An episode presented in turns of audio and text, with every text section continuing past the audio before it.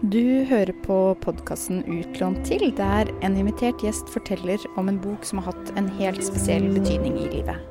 Jeg heter Kaja, og nå så jeg ute i biblioteket og venter spent på dagens gjest. Hun er prisvinnende forfatter, nylig tildelt Brages hederspris.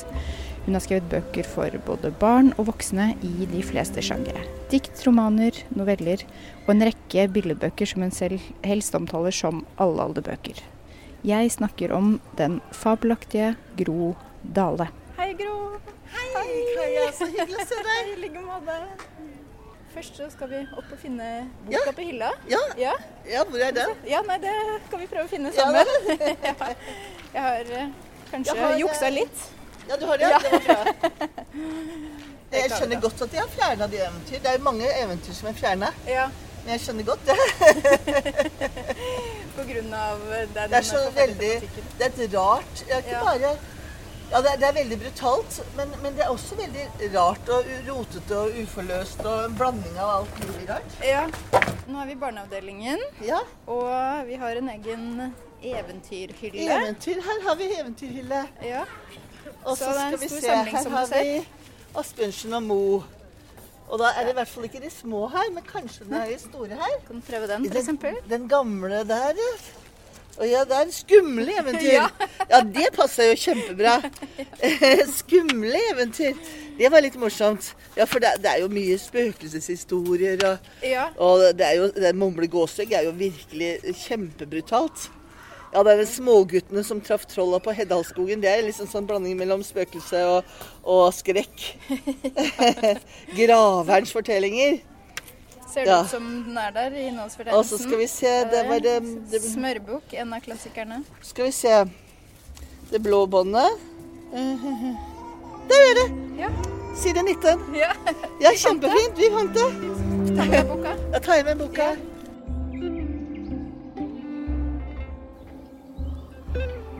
Da det lei om en stund, tok mannen til å snakke med kjerringa. Her kunne vi leve nokså godt og hyggelig når vi bare var kvitt den sønnen din, sa mannen. Veit du ikke noe råd med han, mener du, sa kjerringa. Å ja, han skulle friste, sa han. Han skulle late som han ville få kjerringa til å stelle for seg noen dager.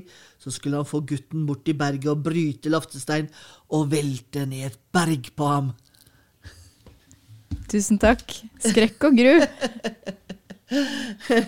Du har valgt deg et eventyr av Asbjørnsen og Moe om en mor som forsøker å drepe sin egen sønn. Hvorfor har du valgt deg dette eventyret med en så grusom tematikk? Dette var et eventyr av Asbjørnsen og Moe som faren min eh, leste for meg når jeg var barn. Jeg tror jeg var fem år eller seks år. Og jeg hørte det mange ganger. Eh, han leste det om igjen og om igjen. Eh, han leste andre også. Det, ikke, det var ikke bare dette her.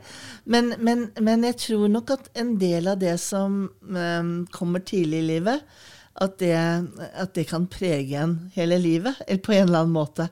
Og for meg ble dette her et, eh, et litteraturminne, kan man si, som eh, har vært med meg hele livet. Jeg syns jeg, jeg, jeg kjenner eh, Jeg syns jeg husker det veldig godt, og jeg syns jeg kjenner den stemningen i magen og kroppen fortsatt.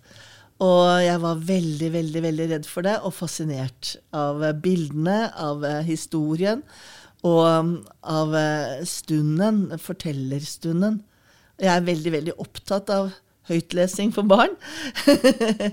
og for meg var nok det med høytlesningen, eh, som faren min da ofte gjorde på, ja, på hytta ved peisen. Moren min satt og strikka eller sydde. Han leste eller fortalte. Og jeg satt helt inne ved helt inne ved peisen og, og, og drev og pirka i, i flammene. Men Akkurat som Askeladden.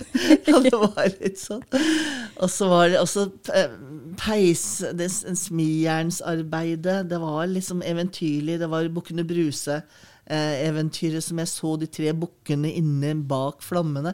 Det var en veldig, veldig sterk og spennende stund eh, som eh, Jeg føler nok at noe av det rike, jo, jeg rikeste jeg har med meg fra barndommen, da.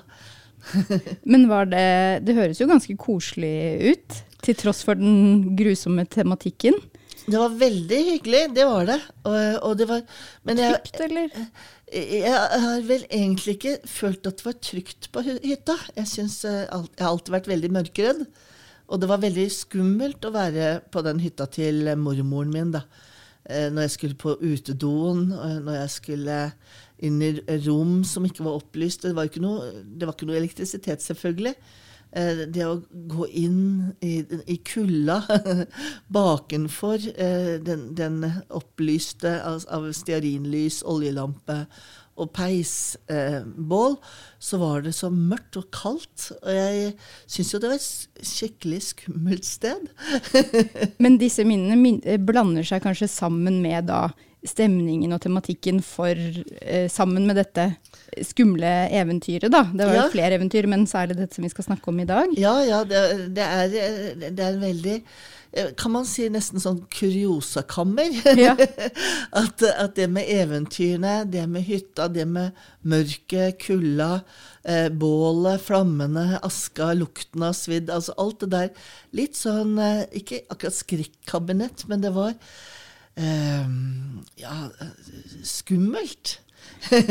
Men du liker jo det skumle. Ja. Ja. Ja, det, det var ikke negativt skummelt, men det var litt sånn fascinerende skummelt. Men det er jo ikke sikkert alle kjenner dette eventyret, og det var ikke så lett å finne. Det Nei. blå båndet er tittelen, og eh, det som du har nevnt, at det er visstnok tatt ut fra flere samlinger. Så jeg tenkte at du kunne fortelle hva, hva handler dette eventyret om? Kan du ta en liten gjenfortelling, eh, Ja. slik du husker det? Ja, øh, nå er dette her 50 år siden jeg leste det. Eller jeg hørte det sist, da, antageligvis. Så det er helt sikkert annerledes enn jeg husker det. Men slik jeg husker det, så var det en mor og en sønn som hadde vært i nabobygda på et marked. Og så skulle de gå hjem over åsen gjennom skogen for å komme tilbake til gården sin. Eh, og så gikk de oppover etter eh, markedet var slutt, og så gutten fant et blått bånd eh, som moren sa bare kast det, det er ikke noe å ta vare på. Men han tok vare på det blå båndet, knøyt det rundt livet, og så gikk de oppover lia, da.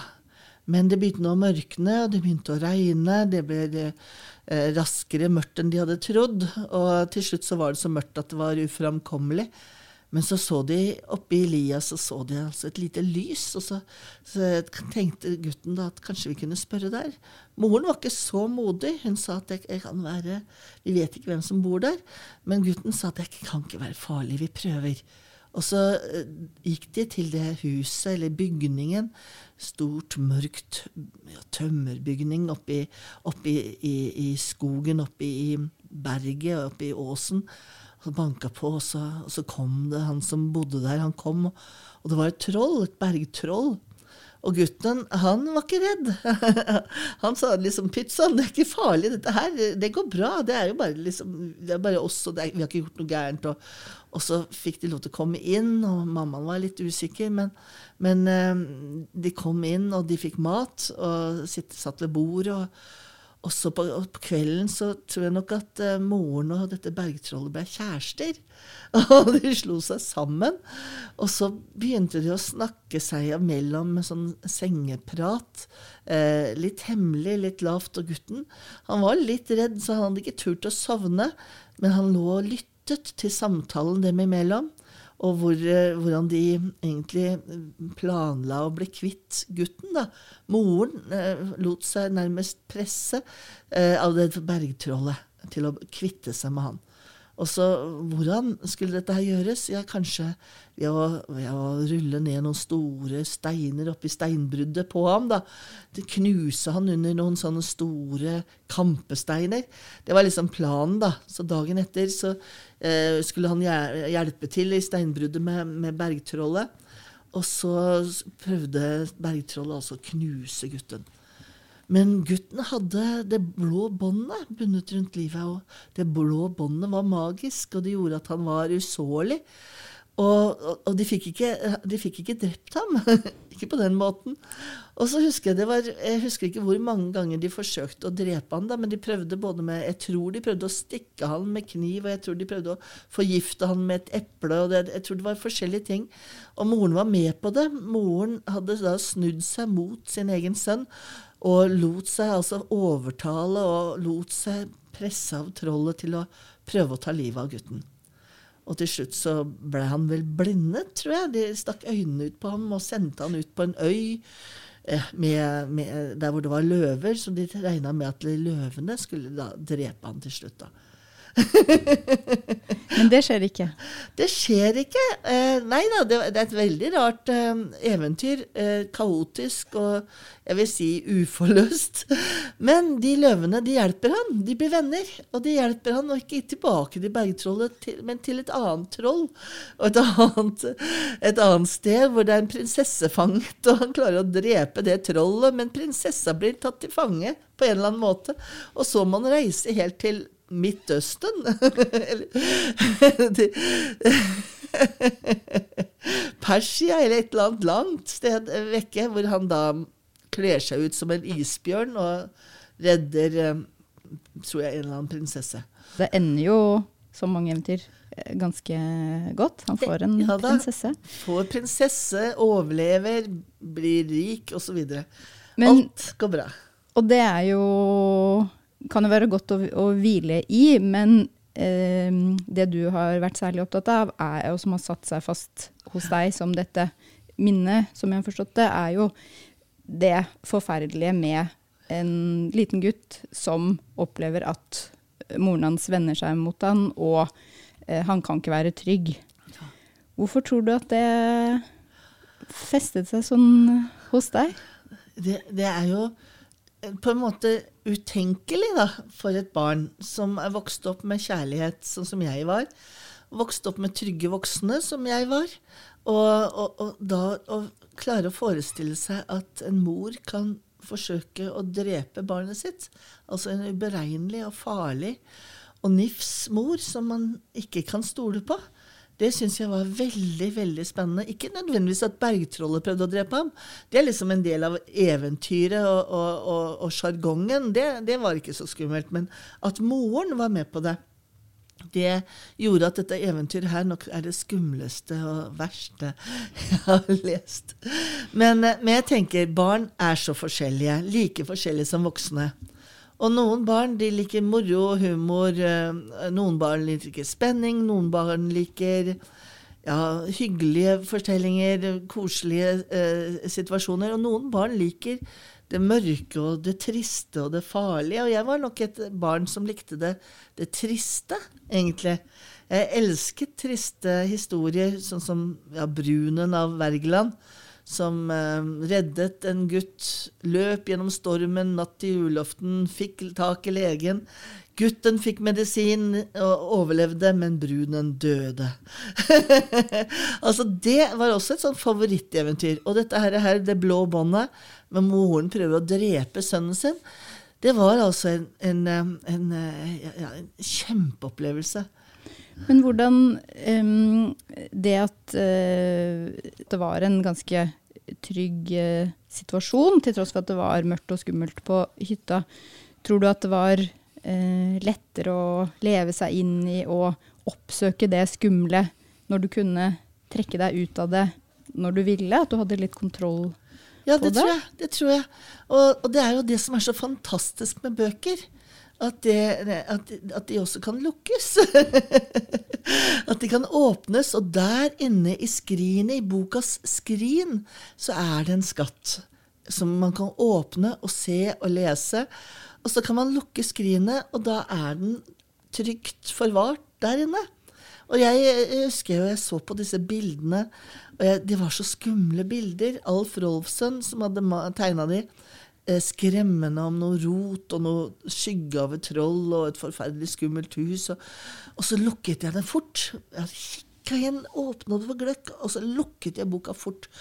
Og, og det å sitte, ha et trygt hjem, altså ha et trygt fang, ha en trygg sofa, og så kunne gløtte på bilder og, på, og lytte på farlige og skumle eventyr, det tror jeg egentlig bare gjør li livet rikere. Og sånn er det også med, med andre bøker da, som er skumle. Jeg, tenker at, at, eh, at det, kan vi, det, kan vi, tåle. Eh, det, det, skumle, det farlige. Hvis vi er trygge. Men hvorfor tror du at det, at det, er så fascinerende? Eller at det var Hvorfor var akkurat det skumle så mye mer fascinerende for deg enn det morsomme, koselige, hyggelige? Ja, jeg, vet ikke helt, men jeg, jeg, tenker at livet mitt var egentlig veldig ja, supertrygt. Det var liksom ikke krangling mellom for, foreldrene mine, og de var liksom bare snille. men, eh, men, og da det var kanskje dette her en fremmed verden, da, som ble eksotisk. og Går det an?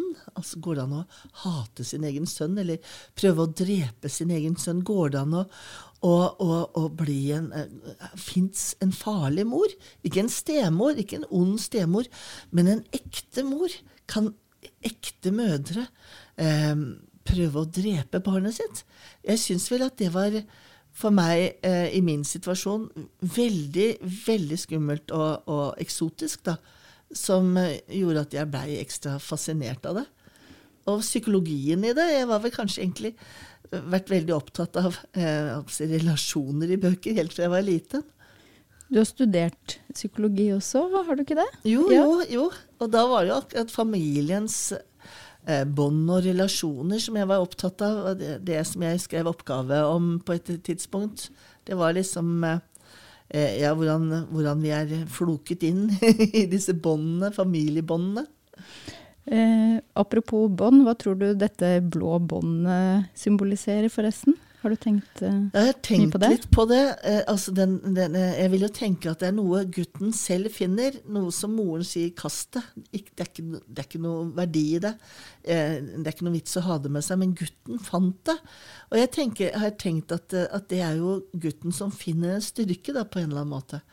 En, en styrke som han gjør at han kan overleve eh, i situasjoner som er farlige og livstruende. Så det å finne sin egen styrke, finne sin egen, eh, sin, egen eh, sin eget kraft, sin eget mot, som gjør, oss, gjør at, vi kan, at, vi kan, faktisk eh, stå i det mest forferdelige. at, eh, at, det, at, det, magiske båndet ikke egentlig nødvendigvis behøver å være så magisk. Det handler egentlig om å finne seg sjøl, da. Eller finne um, en trygghet i seg sjøl. ja, og som du mm, peker på, at han finner noe han Dette båndet som han selv legger merke til og vil ta med seg. Ja. Som han tror på, da, at ja. har noe for seg. Ja. Og hører ikke på moren, men stoler på seg selv. Ja, og allerede der eh, så er det jo på en måte helt fra starten av så har de forskjellige ståsted. Mm. Hvor gutten er veldig selvstendig, da. Og hvor gutten er også veldig, veldig modig, og med det blå båndet, som på en måte er hans styrke, og er noe han selv fant. Det er jo en del likhetstrekk eh, mellom dette eventyret og flere av dine såkalte allalderbøker, som jeg vet at du er glad i å Altså billedbøker, da, men som er for alle aldre som du har skrevet veldig mange av, og som er illustrert av både mannen din Svein og datteren din Kaja. Det handler om barn, og det er for barn som utsettes for veldig vonde, skumle ting. Eh, du har jo tatt opp alt fra eh, vold i hjemmet, omsorgssvikt, eh, skilsmisse, døden, identitetsproblematikk. Eh, og da lurer jeg på hvordan du har turt å, eller klart å bli så modig og ta for deg temaer som veldig mange andre ikke orker å ta i eller høre om eller snakke om. I hvert fall ikke når overfor barn. Det å kunne ha en parallell parallellhistorie, da som, som, som, barn og voksne kan si at nei, sånn har vi ikke det hjemme hos oss, vi har det heller sånn og sånn, eller, eller han var sterk og modig, eller, eller, at de kan forholde seg til karakteren og, og situasjonen i boka. Det, det, ble, det skjønte jeg måtte var, at det var et behov for. Og, og, det var veldig fint å kunne ja, få den veien inn da, eh, gjennom et, eh, et, helt tydelig ønske fra eh, Øyvind Aschem, som da hadde disse erfaringene eh, med, med, mennesker som trengte å snakke om, om vold i hjemmet. Og, og, jeg tenker også at, at, at dette, denne historien her, det blå båndet, det kunne også vært et sånn tredje punkt, da, hvor man kan snakke om det vanskelige hjemme. Bergtrollet trenger ikke være et troll. Det kan være en far og denne, denne moren som da slår seg sammen med, med bergtrollet. trenger liksom ikke være noen som da gir seg over til, til trollet, men det kan være situasjonen hjemme som er farlig og uberegnelig og truende. Og da er det godt å ha et blått bånd. men er du enig i en slik parallell? At det kan ha begynt da allerede med eh, når du var liten jente og ble fortalt eh, eventyr for, som da det blå båndet med denne farlige tematikken. Eh, og at du har tatt med deg det inn i yrket ditt som forfatter, og skriver om veldig mange vonde, vanskelige temaer. Ja, eh, Det er ikke godt å si. Altså, det er jo sånn høna og egget. Hva er det som kom først? Hvorfor blei dette blå båndet, eventyret det blå båndet så viktig for meg? Hvorfor er det ikke Mestertjuven jeg husker? Hvorfor er det ikke, er det ikke um, Prinsessa som ingen kunne målbinde, eller uh, Østen for sol og Vesten for måne? De, de var ikke viktige for meg. Det var dette eventyret som var viktig for meg. Og det var dette uh, eventyret som tok tak i meg, og som jeg har tenkt på i ettertid. Jeg husker ingen av de andre eventyrene, nesten bortsett fra tittelen. Eh, smørbukk, kanskje, men bortsett fra det så er det, er det, mer sånne vage historier som jeg ikke fikk noe forhold til. Dette her, det blå båndet, det, eh, selv om jeg ikke kan det utenat, og selv om jeg husker det sikkert forskjellig fra det som står i boka, så, så um, har det vært med meg hele veien. Så det er ikke godt å si om det var jeg som som valgte det, som mitt eventyr, min tekst, eller om det var teksten som valgte meg.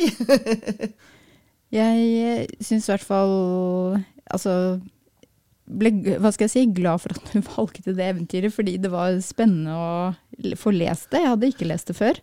Um, men når jeg da uh, leste det, så ga det meg umiddelbart assosiasjoner til flere, men kanskje særlig den boka di som heter 'Sinna mann'. Ja. Eh, hvor det er en liten gutt, lille boy, som har en pappa med sinnemestringsproblemer. Han blir, han blir jo et monster. Ja, og, han blir et troll. Ja. og barn som leser eh, eller, Det er interessant, syns jeg, å møte barn rundt omkring på skoler og biblioteker. Og, og, og, det er stort sett voksne som blir redde for eventyret. Um, eller fra, fra 12-13-årsalderen og oppover. Enda mer for hvert, hvert, år. Så det er først og fremst voksne som er redde. Ungdommer og voksne. Og, og da, da, er det noen, ofte barn som, som ler. Altså femteklasser, fjerdeklasser, ja, tiåringer. Eh, og også barnehagebarn de ler. De syns det er så gøy når pappa blir et troll. Altså, Det er ikke pappaen som blir et troll, det er et troll som bor inni pappaen. Som ikke har noe med, egentlig med pappaen å gjøre. Stakkars pappaen er blitt tatt til fange. På en måte, De forstår det mer som et eventyr. da. At det bor et troll i pappaen. Mens voksne de, og ungdommer de forstår jo at det er ikke et troll som bor i pappaen, det er pappaen som er trollet. Men er det de yngste barna som syns det er mest Som ler eh, ja. mest, fordi de nesten ikke kan tro det? Altså, ja, de syns det er gøy. Ja. Eh, de, de, de, er ikke redd for det. For de, de er ikke redd for troll, på en måte, for troll er en del av vår ja, vår eh, kultur, vår populærkultur. Og, og, og, det er ingen som er redd for troll. Det er en del av fortellingene. Og, og jeg, jeg, tenker at, um, at, at, de ler også fordi at han oppfører seg barnslig. Han oppfører seg som en unge. Og dette trollet liksom som, som kommer liksom og brøler. Altså det, at de, ja, de sier i hvert fall at de syns det er gøy. og det syns jeg var, var veldig veldig overraska over, denne reaksjonen. For jeg hadde lyst til å skremme dem alle sammen. um, men det er jo eventyr eh, som liksom har blitt din eh, sjanger? Altså, du har jo skrevet eh, romaner og noveller og dikt og disse bildebøkene du har snakket om. Og eh, er du enig i at det hele veien er eventyr eller fabler som Ja, eh, er en slags rød tråd for alt du lager? Jeg tror det også i dikt, mm. tenker jeg. eh, At det, at det er mye allegorier, eh, fabler, som du sier. Og, og at jeg prøver å finne bilder, eh, språklige bilder, eh, som kan vise, konkretisere og gi språk til det som ligger bak og under. Og finne trygge ord for det som er utrygt, og utrygge ord for det som er trygt, på en eller annen måte. At det, det utrygge nærmer meg det utrygge gjennom språket, gjennom allegorier. For barn de leser ikke undertekst, de leser bare overflate. Eh, De leser det konkrete, helt konkrete situasjonen. Så hvis jeg har en historie som f.eks. incest, da, om, om seksuelt overgrep, eh, og, og så er det en, en gutt som kan forvandle seg til ape, til elefant, til, til blekksprut, så leser barna det bokstavelig. At han har magiske evner, og at han kan forvandle seg. Det er klart at det er skummelt når han blir blekksprut, men, men de tenker ikke seksualitet rundt det. De tenker liksom mer magi og trollmann og trolldom, og, og at det er eh, litt spennende. Mens voksne skjønner at, eh, at fordi ja, voksne og de som selv har vært i en incest-situasjon, de forstår det på, på detaljene og beskrivelsen. At det ikke bare er magi, men at det er eh, ting som ligger under som gjør at man kan kjenne igjen en ubehagelig eh, situasjon som er ladet seksuelt. At pusten forvandler seg, at, at stemmen forvandler seg, at måten man går på forandrer seg, at man trekker for gardinene, eh, låser døra, at det blir mørkt, at det blir som under vann, at man ikke kan rope, at man ikke kan snakke, at man eh, blir på en eller annen måte presset eh, mot sin vilje, men det er spennende også, og farlig også. Så det er en situasjon som mm, de som har opplevd det sjøl, kan gjenkjenne. Men ikke de som ikke har opplevd det. De ser allegorien og fabelen. Sånn sett egner fabelen seg, allegorien seg, eventyret seg til å fortelle om ganske skumle ting for barn. Fordi det kan da eh, Ja, det kan leses også eh, bare på overflaten som noe som er forholdsvis trygt, da. Men en, en annen um, fellesnevner mellom da, dette eventyret og flere av disse Allalde-bøkene dine, da, er jo at barnet Vi har vært litt inne på det, men at barnet har eh, klarer å eh, på en eller annen måte mestre situasjonen, eller er jo, kommer liksom ut som en, om ikke en helt nødvendigvis, men eh, allikevel er den som vinner, da, og i likhet med dette eventyret, over den voksne, eller lar seg ikke lure. Eh, det er jo så ofte som barn veldig eh, liksom spennende å identifisere seg med. At barn er den som er den sterkeste og Ja, jeg syns det er viktig. Ja. Jeg syns det er viktig at det ender godt. Eh, Og det var viktig da også. Eh, ha- eh, happy ending kan det gjerne være. På et eller annet vis. da. F.eks. til og med brunen eh, til Wergeland og hesten dør. Men barnet overlever. Så jeg vil jo gjerne at barnet skal overleve. eh, Og, og, og jeg vil gjerne at det skal gå godt. Og jeg tenker at, eh, at det er viktig også når man holder på med skumle emner, farlige temaer, mørke erfaringer, eh, ja, hemmeligheter som, som er, er, er, eh, er ladet med, med psykologisk mørke. Jeg, vil, eh, jeg tenker at, at det ender godt, at barnet overlever, at barnet står i det, at barnet får eh, kraft, eller har kraft, til å løse problemet litt selv, delvis. Finnes det noen grense et sted når det blir for skummelt? Nei. Jeg tror ikke det fins noen grense eh, at det blir for, for farlig eller for negativt eller for ladet. Det går mer på måten det gjøres på. F.eks. For eksempel nå så har jeg fått bestilling om å skrive om ja, krigen i Ukraina. Om eh, mors selvmord. Eh, og, og, og dette her er jo veldig dramatiske ting. Eh, farlige ting. Men det, det handler om å finne et, en, en måte å gjøre det på så det, ikke, så det blir trygt, da. eh, på en eller annen måte, slik at barnet blir ivaretatt. At barnet blir eh, på en eller annen måte beskytta. Og jeg tenker at der hvor det er barn, altså i mørke kroker og mørke kjellere, mørke kott, med hemmelighetene sine, de mørke, farlige hemmelighetene sine som de ikke må fortelle til noen, der vil jeg også at det skal finnes fortellinger. Disse barndommene er like viktige. De er like verdifulle, og de er like mm, avgjørende som de lykkelige barndommene, som de trygge barndommene. Så at, at, at det fins historier og fortellinger også i de mørke rommene, det tenker jeg er viktig for samfunnet vårt. da. Samfunnsoppdrag? Samfunnsoppdrag. Ja. ja, jeg opplever at det er et ansvar jeg har tatt på meg på en eller annen måte. Nå er du blitt mormor for ikke så veldig lenge siden. Ja. Og gratulerer, må jeg si. Men eh, kunne du tenke deg å lese så skumle eventyr som Det blå båndet når ja. den tid kommer? Det gleder jeg meg til. jeg tenker det er en fordom at um, vi har i forhold til bildebøker og eventyr, at, at barn skal ha det trygt i eventyrene. Men hvis det, det, er viktig at de er trygge ellers.